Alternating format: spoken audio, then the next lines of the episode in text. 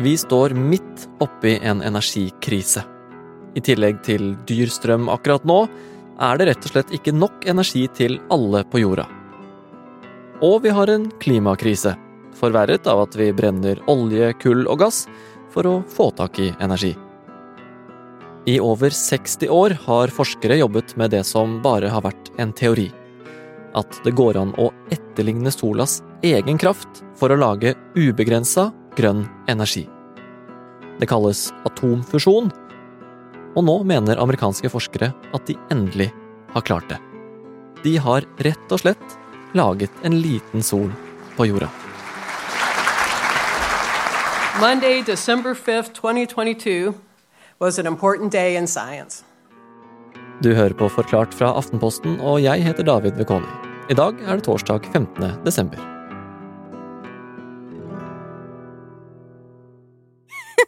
Beklager. Jeg er fremdeles eh, ganske gira. Dette er en skikkelig spennende eh, nyhet. Og ja, da jeg våkna for eh, noen dager siden, så hadde jeg ikke akkurat brukt så veldig mye tankekraft på fusjon eh, tidligere, men, eh, men nå tenker jeg at altså, tenk, det er faktisk folk som jobber med å løse klimakrisa og energikrisa på måter som vi egentlig ikke tenker på, og, og nå kan de være et stort skritt nærmere å løse det. Siden Aftenposten-journalist Helene Skjeggestad våknet opp for to dager siden, så har hun brukt tiden på å snakke med forskere og vitenskapsfolk for å lære mer om denne måten å skaffe energi på, som plutselig har blitt en snakkis. Nuclear scientists call it the holy grail of clean energy they've been chasing for decades. Labor in den USA ist jetzt ein Durchbruch gelungen bei der Kernfusion. decades it has been the holy grail of science to find a cheap, clean, and inexhaustible source of energy like the one that powers the sun and the stars. Så hva er det som gjør fusjonskraft så spesielt? Fusjonskraft, eller atomfusjon, da, det har en kombinasjon av mange gode egenskaper som ja, de energikildene vi bruker i dag, ikke har. Altså, den kjernekraften som vi har i dag, den eh, produserer jo radioaktivt og farlig avfall. Det Det fossile energikildene, altså olje, gass og kull, de er med på å forverre klimakrisen. Og de fornybare energikildene, de, er, ja, de kan være uforutsigbare og, og mindre effektive. Og fusjon, altså atomfusjon, det kan være det som gir oss en løsning på mange av disse problemene. Det høres jo veldig bra ut, da. Men hva er atomfusjon egentlig? Det er egentlig det samme som skjer inni sola. Eh, Det er det motsatte av dagens kjernekraft, hvor man river ifra eh, atomer fra hverandre. Eh, I fusjon så setter man de sammen og smelter de sammen, og når det skjer, så skaper det varme og energi. Og voilà, så har man strøm. I sola er det store mengder hydrogen som flyter rundt. Mange små atomer som du annet finner igjen i vann. I solas kjerne møter ett hydrogenatom et annet. Og i millioner av grader og et enormt trykk fra gravitasjonen til sola, så smelter de to hydrogenatomene sammen. Og blir ett større heliumatom.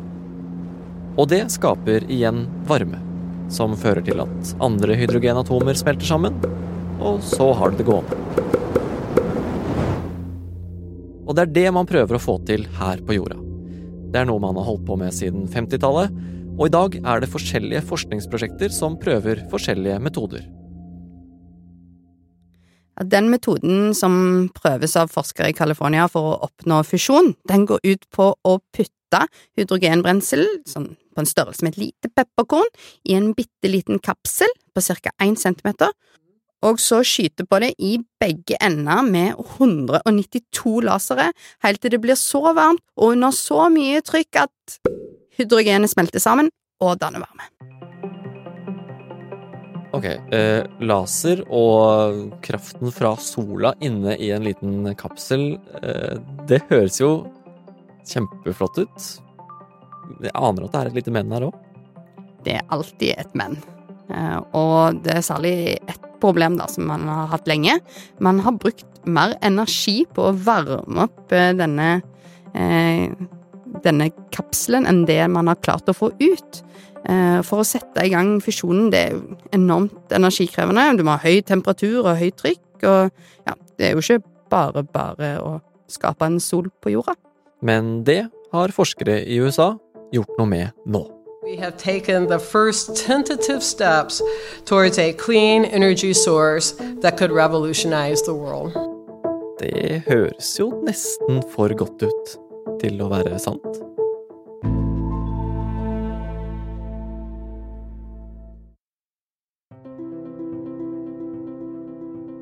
Helene, hva var det amerikanske myndigheter fortalte på denne pressekonferansen de holdt denne uka?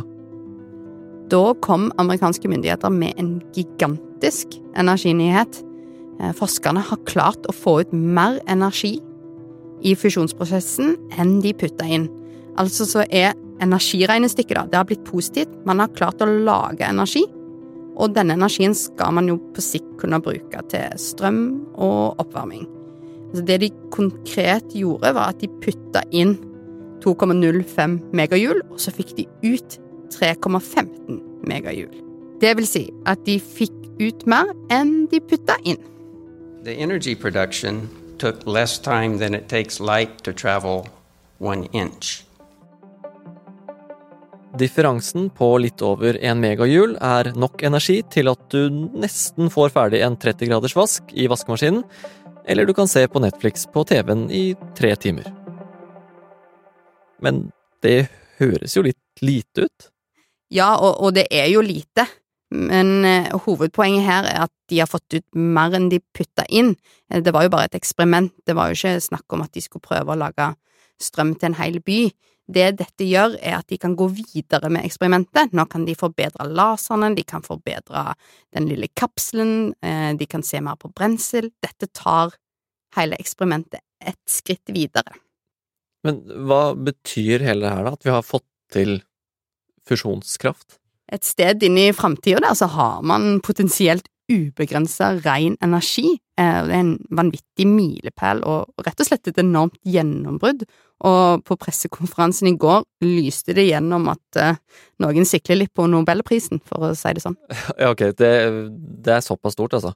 Ja, altså det er et vanvittig stort vitenskapelig framskritt. The achievement we celebrate today illustrates that big, important accomplishments often take longer and require more effort than originally thought, and that these accomplishments are often more than worth that time and effort that they took. So, this is pretty cool. Um, De har jo jobba med dette i 70 år, og nå har de fått det til, da. Og på sikt så kan det være løsningen på energikrisen. Så selv om det vil ta tid før man har en liksom, storskala produksjon og ja, kan skaffe strøm til en, en by, da, så er dette en enorm nyhet, og den er en god nyhet. Det er rett og slett en nyhet for eh, historiebøkene. Ja, og hva annet er det man kan bruke det her til, da? Ja, I tillegg til vitenskapsmiljøene så var det nok noen andre som òg var, var glade i går, og det var jo eh, våpenindustrien. Eh, dette var jo en liten hydrogenbombe som, som gikk av. Så dette åpner òg muligheter for eh, våpenindustrien. Så denne energien kan brukes på mange måter. Men enn så lenge så snakkes det mest om hva dette kan bety for verdens energibehov. For mens vi har bygget vindmøller og lagt solcellepaneler som er avhengige av vær og vind, så har altså forskere i California laget det som kan bli ubegrensa grønn energi uten avfall. Er det for godt til å være sant? Ja, hvis man tar på seg eh, de pessimistiske brillene, så, så er det mange utfordringer knytta til, til at, uh, atomfusjon, og, og særlig tre, da. For det første så er det, det er veldig dyrt. Eh, Dette laboratoriet i California er, ja, det er like stort som flere fotballbaner, og de har hundrevis av laser til gud vet hvor mange kroner. Og alt dette bare for å få ut tre megahjul med energi. En annen utfordring er tid.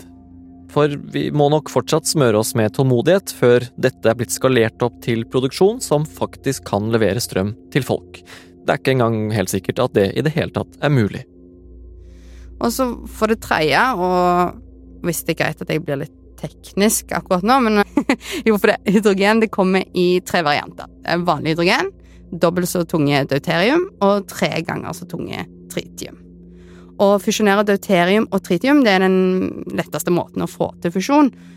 Deuterium det kan man få fra havvann, men tritium det finnes nesten ikke naturlig på jorda, så det, tritium det må lages.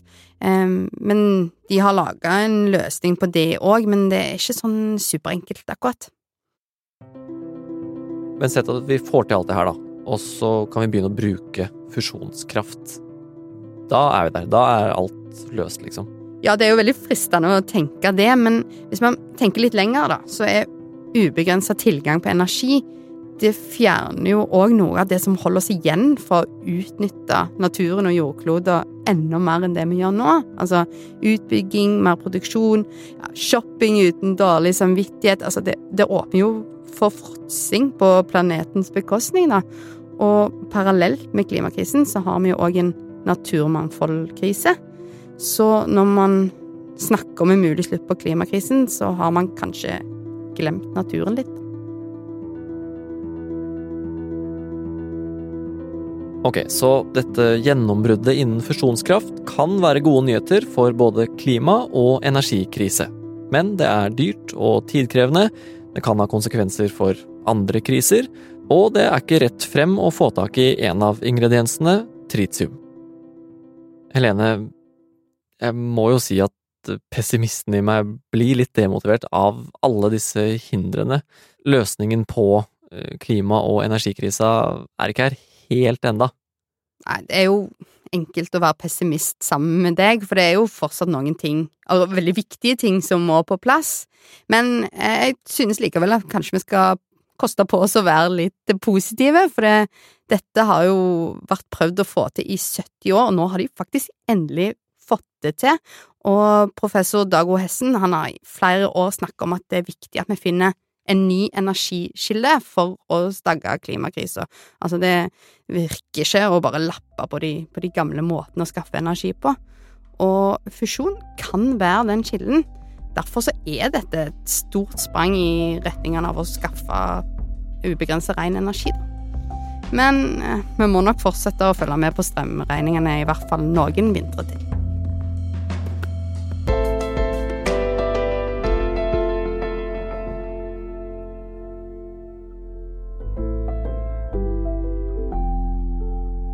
Du har hørt en podkast fra Aftenposten. Det var Helene Skjeggestad som ble litt teknisk om atomfusjon. Lyden du har hørt, er fra NBC, ZDF, Euronews og nyhetsbyrået AP. Det er produsent Synne Søhol og jeg, David Vekoni, som har laget denne episoden. Og resten av Forklart er Anne Lindholm, Jenny Førland, Anders Weberg, Fride Næss Nonstad og Marit Eriksdatter Gjelland. Takk for at du hørte på.